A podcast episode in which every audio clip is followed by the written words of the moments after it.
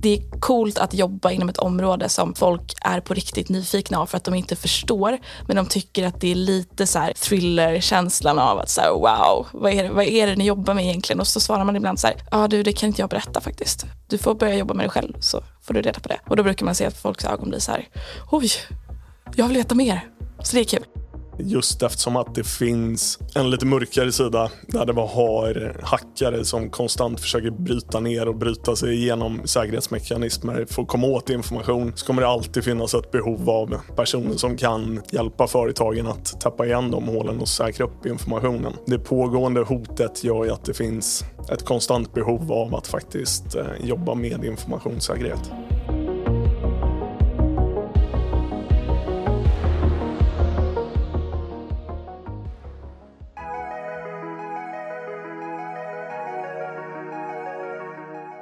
Jag heter Lukas Grönqvist, jobbar som cybersäkerhetskonsult på KPMG. I stora drag så hjälper vi företag att skydda deras information. Eh, och det är allt från teknisk säkerhet, där vi hjälper dem med deras IT-system. Se till att det inte finns några sårbarheter i dem eller sätt att ta sig, ta sig runt säkerhetsmekanismer. Sen är det också den lite mjukare delen som man kanske kallar för det, det som är informationssäkerhet. Och där är det mer regelefterlevnad, säkerhetskrav, se till så att man har alla alla processer eh, på plats och att det finns säkerhet eh, inne i de processerna.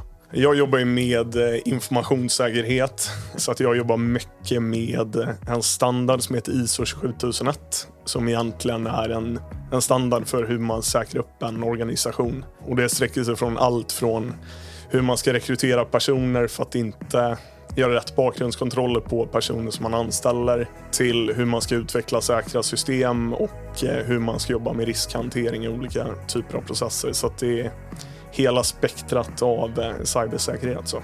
Det är ju ett väldigt brett ämne så att vi kan ju sitta ena dagen och hjälpa en HR-avdelning och se till så att de ska vara säkra att de behandlar informationen på rätt sätt. Nästa dag så kan vi sitta med ett utvecklingsteam, kolla på hur de utvecklar, hur deras utvecklingsprocess ser ut, försöka identifiera förbättringsåtgärder för att inte utvecklarna ska antingen nå fel typ av information eller för att de ska utveckla system som inte är säkra. Det är väldigt högt och lågt.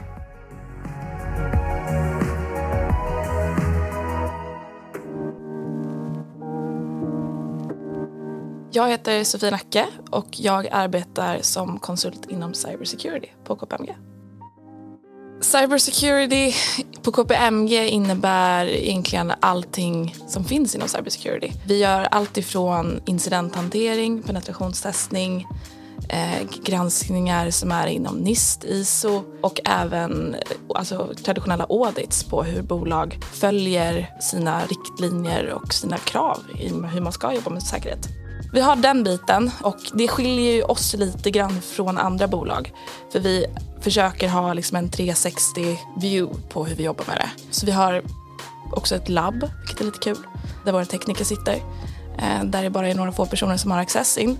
Och där inne sker de riktigt spännande sakerna. Labbet är 100% ett labb, men det är väldigt spännande för det är där de riktigt, så här, enligt mig, då, intressanta sakerna sker de snubbarna som sitter där har absolut inte kritstrecksrandiga kostymer utan om de gick utanför labbet så kanske man inte skulle pinpointa dem som typiska KPMG-konsulter. Utan det är våra tekniker som är här för att de är superduktiga på tekniken. Eh, kanske inte främst för att det är KPMG utan för att vi på KPMG jobbar med cyber på det här sättet. Penetrationstestning innebär att vi jobbar för att se, kan vi ta oss in på ett bolag? Så det är att man, man pepprar olika system, servrar, nätverk för att se, finns det svaga punkter, finns det sårbarheter som gör att vi kan ta oss in? Och då finns det ett gäng olika tester som man kan göra eh, och vi testar allt som går för att sen se eller kunna ge till ett bolag så här, det här är era svagheter, det här är era sårbarheter, det här behöver ni täcka igen.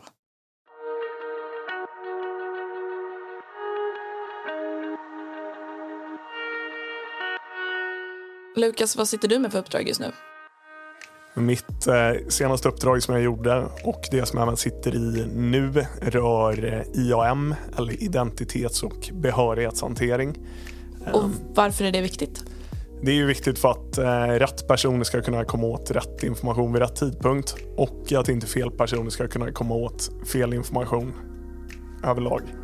Så att det handlar ju om eh, ordning och reda i vad för information som vilka får tillgång till. Och är det kul eller är det liksom det du mest av allt Men vill det göra? är, det är väldigt roligt. Det är också ett utav, kanske, kanske inte det enda, men det är väldigt, det ligger verkligen precis mellan verksamheten och tekniken. Så att tekniken måste lira för att folk ska kunna komma åt information digitalt. Och sen så måste man även ha koll på verksamhetssidan för att få reda på vilka personer som har rätt att ta del av vilken information.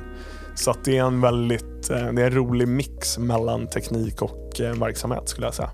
Och jag som inte jobbar alls med IAM, eh, vad behöver man ha för typ av kunskap för att kunna göra det? Jag skulle säga att man behöver ha en grundläggande förståelse för hur en organisation ser ut och fungerar. Men sen även en del teknisk kompetens också ehm, för att kunna förstå allt ifrån olika typer av katalogtjänster som man jobbar mot till hur olika system eh, fungerar. Ehm, men sen så är det ofta när vi gör sådana typer av uppdrag att man är en, en blandning av olika kompetenser. Så att några, eh, några sitter med väldigt tekniska delar, sitter och utvecklar. Eh, Medan som till exempel jag sitter och ritar upp eh, affärsprocesser för, för hur, hur information ska flöda, vilka personer som ska göra vad. Varför har du inte tagit med mig på det här? Det låter jättekul. Men Lukas, när vi väl pratar om så uppdrag och hur det är att jobba som konsult på KPMG, tänker du att det påverkar dig någonting privat? Ja, men det är nog eh, ganska mycket ändå. Ehm, det blir ofta för folk som inte förstår vad cybersäkerhet är, så blir det ofta att man är ja, go-to-personen när det kommer till all form av teknikstrul. Allt från batteribyten i brandvarnare till att hjälpa en person att ominstallera en dator eller installera en router. Men jag tänkte för alla som inte förstår vad forensikuppdrag är. Ja. Vad är IT-forensik eller forensik? IT-forensik på KPMG är ju att vi eh, jobbar med känsligare uppdrag som inte nödvändigtvis då går in på till exempel penetrationstestning och liknande utan att vi ja, eh, vad får jag säga nu? eh, käns det, det, IT-forensik är känsliga uppdrag där vi med olika tekniska vägar hittar information Eh, för den kunden som önskar det. Men det kan också vara att vi gör olika granskningar. Men det som kännetecknar är att det är känsligt och att vi letar efter informationen på ett lite annat sätt än vad vi gör i vanliga fall. Så absolut att det går kanske mer in på hur man tänker sig att polisen jobbar. Jag har gjort allt ifrån att leta igenom rum efter USB-stickor till att stå och en hel dag och räkna papper. Ehm, så högt och lågt. Mm. Men det är, är inte kontroll F i ett Word-dokument. Nej, nej, det är det aldrig tyvärr. Det hade nej. förenklat mitt ja. liv jättemycket. För jag har ju också även med mina vänner att de kan vara så här till exempel en kompis som dejtar på Tinder kan vara så här, skicka bilder till mig. Eh, vad den här personen, hittar du något på honom? Mm. Och jag, säger, jag har bara en bild eh, ja. och ett namn. Så det påverkar även min kompiskrets. Ja. Liksom. Men man kan ju bli ganska paranoid. En kompis i vårt gäng som också jobbar med cybersäkerhet, han har ju kört en Lexbase-dragning på alla, alla kompisar i vårt gäng för att säkerställa att ingen har något fuffens för sig. Och vad tänker du om det då? Jag vet ju om att jag inte har gjort någonting så att jag är ju lugn. Men han har ju inte berättat hela resultatet. Så att... Men jag vet ju att du har berättat för mig tidigare att ni skulle åka på någon resa och uh -huh. att du hade alltså, lite annorlunda förberedelser ja. inför den. Ja, men lite annan approach. Det var när vi skulle utomlands, eh, eller det är ju varje år, åker samma, samma gäng utomlands. Och då är det alltid att de som arrangerar resan behöver få in passnummer, ibland kopia på pass, personnummer och all möjlig typ av information. Och alla skickar det öppet i en Facebook-chatt. Um, och jag är den enda som ibland kan dela upp informationen via sms Facebook eller så ringer jag och säger vissa delar utav mitt eh, personnummer som jag inte vill att de ska få reda på. Och där tycker de att jag är ganska jobbig. Men jag vet ju om att det finns en anledning till att inte skicka allt för mycket information via medier som jag inte kan kontrollera själv. Ja, jag har exakt samma eh, med, min, med min familj framför allt. Vilken information kan vi dela? Och också det här med eh, släktingar som delar information om en öppet och friskt eh, kan jag ibland ringa och vara så här, det där önskar jag inte finns Nej. att hitta om mig. Eh, för vi har ju också uppdrag när vi träffar personer som jag personligen känner själv att jag vill inte att de ska veta vem jag är. Eh, så att de inte ska kunna söka på mig och det handlar ofta när vi jobbar med IT-forensik. Eh, så därför har jag liksom varit noga med att den informationen som går att hitta om mig, om man bara söker på mitt namn, ska vara ganska kontrollerad. Eh, för vi har ju speciellt uppdrag då inom IT-forensiken när vi eh, besöker privatpersoner eh, och är där och tittar igenom deras utrustning för att leta efter vad vi nu letar efter. Ehm, och där har det varit vissa situationer när man jag vet en situation när jag stod och väntade på att vi skulle få gå in på det stället vi skulle till och eh, då får vi inte gå in precis när vi tror att vi ska gå in så vi står på den här gatan någonstans i Sverige i typ en timme och väntar på att få gå in och då står vi med vår fulla utrustning och det ser ut som typ två bombväskor. Eh, och då ser, jag ser framför mig hur liksom alla grannar, du går någon Facebook-tråd. Vad är det för två personer som står här på vår lilla gata? Eh, fot, foton på oss. Och alla sådana här situationer, det, blir- det, det blir jobbigt. Men samtidigt tänker jag, skönt då att jag inte står här med någon bricka med mitt namn på. Eh, ja. Mm.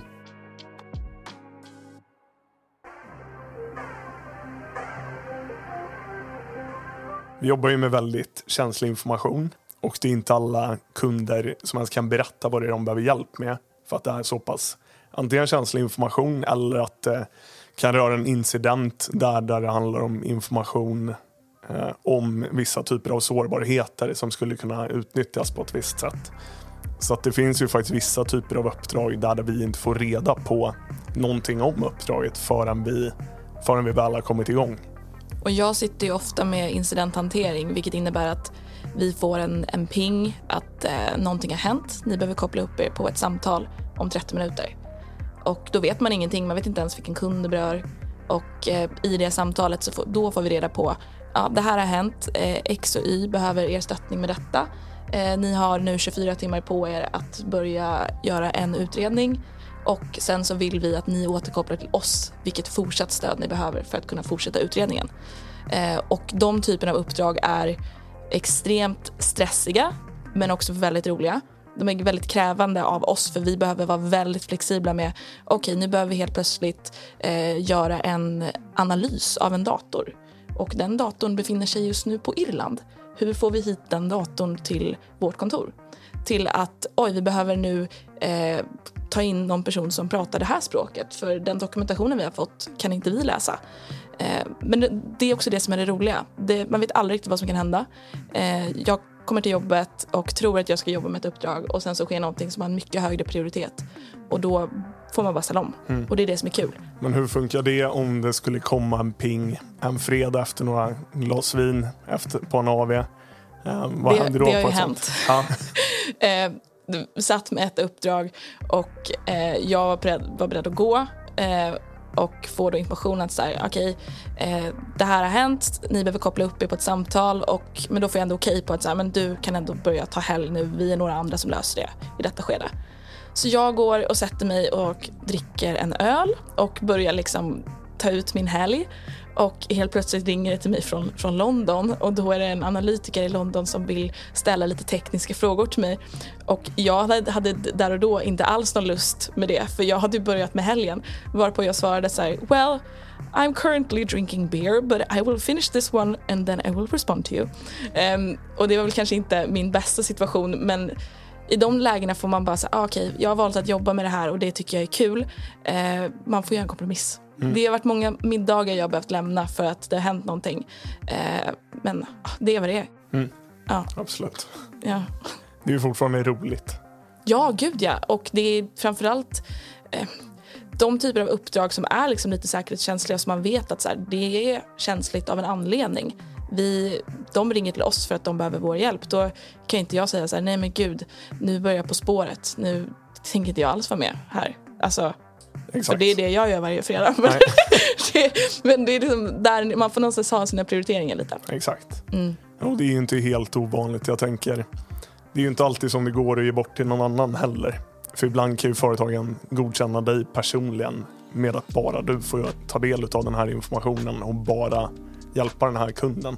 Och det har ju du gjort mycket vet jag. Ja, det är inte helt ovanligt i våra typer av uppdrag egentligen oavsett vad det är för typ av eh, företag att det är väldigt, väldigt detaljerade bakgrundskontroller ehm, för att säkerställa att man dels inte skulle kunna ha några ekonomiska initiativ till att faktiskt sälja vidare information om till exempel sårbarheter. Eh, men även att man inte ska sälja vidare information om, eh, om företaget för att det är så pass känslig information som de sitter med. Så att det är ganska vanligt att man får gå igenom det blir som arbetsintervjuer på nytt när man ska ut på vissa uppdrag där man nästan blir grillad, eh, grillad av kunden för att kolla så att man inte har några lik i garderoben innan man får komma in innanför dörrarna ens. Jag kan tycka det är ganska nice ibland och att det är ett sätt för mig att säkerställa att alla mina polare är gröna också. Mm. jag får som, en, jag får som en, en, gratis security clearance på alla jag umgås med. Exakt, och, och hela jag, familjen också ibland. Exakt, och sånt är värt ganska mycket mm. ändå. Ja, absolut. Mm.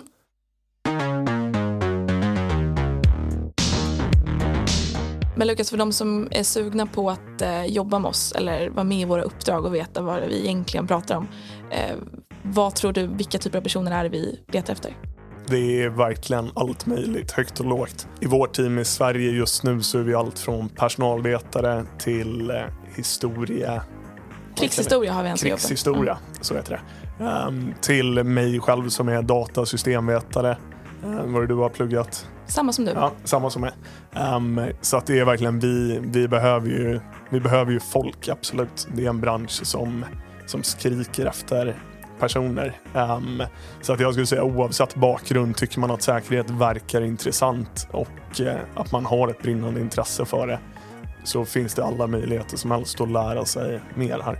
Och jag tror att en viktigt medskick från, från oss båda är att om man är sugen på att jobba med cyber men kanske inte riktigt vet, precis som jag inte riktigt visste hur ska jag ta mig in på cyber, så är det bästa tipset från min sida att så här, titta vilka bolag du är intresserad av att jobba på. Eh, det kanske inte är KPMG men förhoppningsvis är det det. Eh, och bli vän med folk på LinkedIn där. Eh, skicka meddelanden om det är så. Jag får meddelanden ganska ofta från studenter som frågar hur kan jag ta mig in på KPMG? Har du något tips?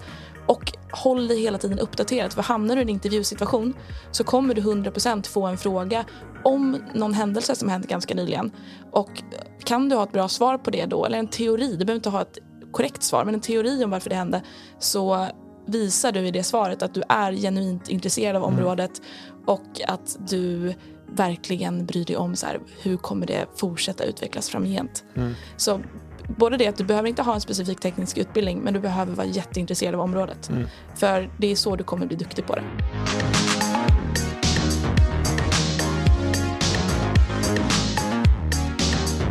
Du har lyssnat på Jobcast. Om du inte redan lyssnar i Jobcast app, ladda då ner den i App Store eller Google Play.